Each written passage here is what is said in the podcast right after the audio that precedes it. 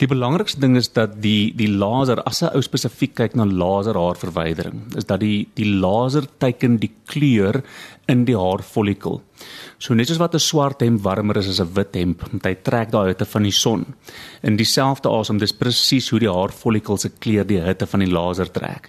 Dan hardloop die hitte af in in die haar en tot binne in die follikel en ek wil nie sê brand nie, maar dan maak dit daai follikel dood sodat die haartjie nie weer kan groei nie wat wel baie belangrik is, is dat dit moet gebeur in 'n spesifieke fase van die haar se groei.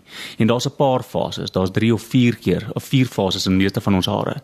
En net omtrent 5 tot miskien 10% van ons hare op ons liggaam is in die korrekte fase op enige gegee tyd wat hom dan um, sensitief maak tot die laserhaarverwydering. So dit is ook hoekom 'n ou so elke 6 weke moet laser en afhangende van watter masjien jy gebruik, so tussen 4 en 12 sessies moet doen sodat jy die hare in daai spesifieke fase mense kan vang. Jy het gepraat van die masjinerie, die laser. Vertel my 'n bietjie meer oor hierdie masjien en die laser wat jy gebruik. Ons gebruik wat hulle noem 'n ND Jag laser. Nou dis 'n baie moeilike ding vir die ou daar buite en vir die luisteraars om nou te gaan soek. Maar dit gaan spesifiek oor die feit dat dit 'n mediese masjien is. Jy kry baie verskillende laser tegnologieë.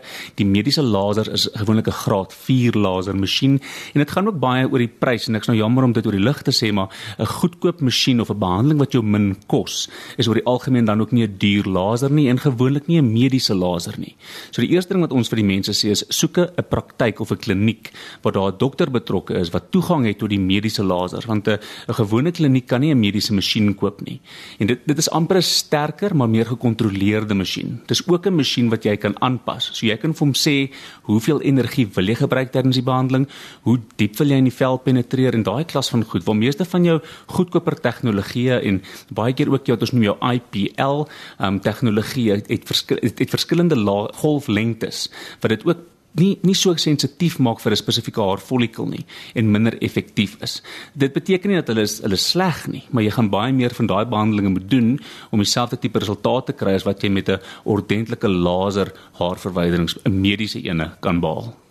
Hoe weet die laser laat hy spesifiek die die follicles soos jy sê moet gaan doodmaak en nie iets anders op die vel nie, die senuwees of die vel self?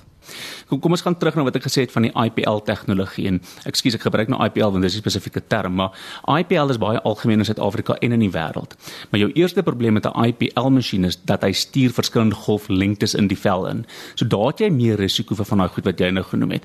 Eerstens, hy kan nie noodwendig die teiken tref nie want hy's nie dit gaan nie soveel oor die pigment van die haar nie. So daar kan hy miskien die vel tussen in die haar tref en miskien 'n blasie veroorsaak. Hy gaan nie sommer by die senuwee uitkom nie want dis baie diep in die vel en ook nie sommer by die bloedvaat nie want dis ook gewoonlik baie dieper in die vel, maar definitief hiperpigmentasie en mense kan gebrand word as die masjien nie reg gebruik word nie. Waar jou jou laser tegnologie spesifiek hierdie 1064 golflengte wat ons gebruik is baie baie akkuraat omdat die oomblik wat hy die vel tref, gaan hy na die haar toe spesifiek want hy soek daai pigment. Dis soos 'n magneet. Hy trek hom spesifiek in 'n haarfollikel in. So jy jy kan basies nie die vel raakskiet met daai spesifieke laser nie. Hy gaan net na die haar toe.